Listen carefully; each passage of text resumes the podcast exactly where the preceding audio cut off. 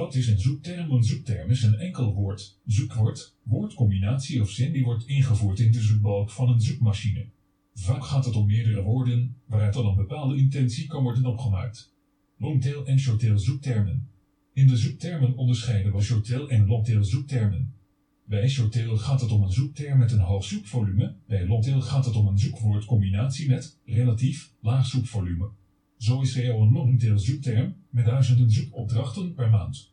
Op CO Apeldoorn wordt slechts tientallen keren per maand gezocht, wat het een longtail zoekterm maakt. Van longtail en shorttail naar zoekintentie.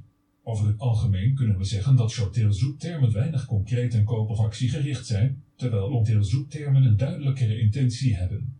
Shorttail zoektermen kunnen zowel informatief als koop- of actiegericht zijn. Bij de meeste longtail zoektermen valt de intentie juist heel goed op te maken uit de woorden. Zoektermenonderzoek is belangrijk om uit te vinden hoe vaak er op een zoekterm gezocht wordt.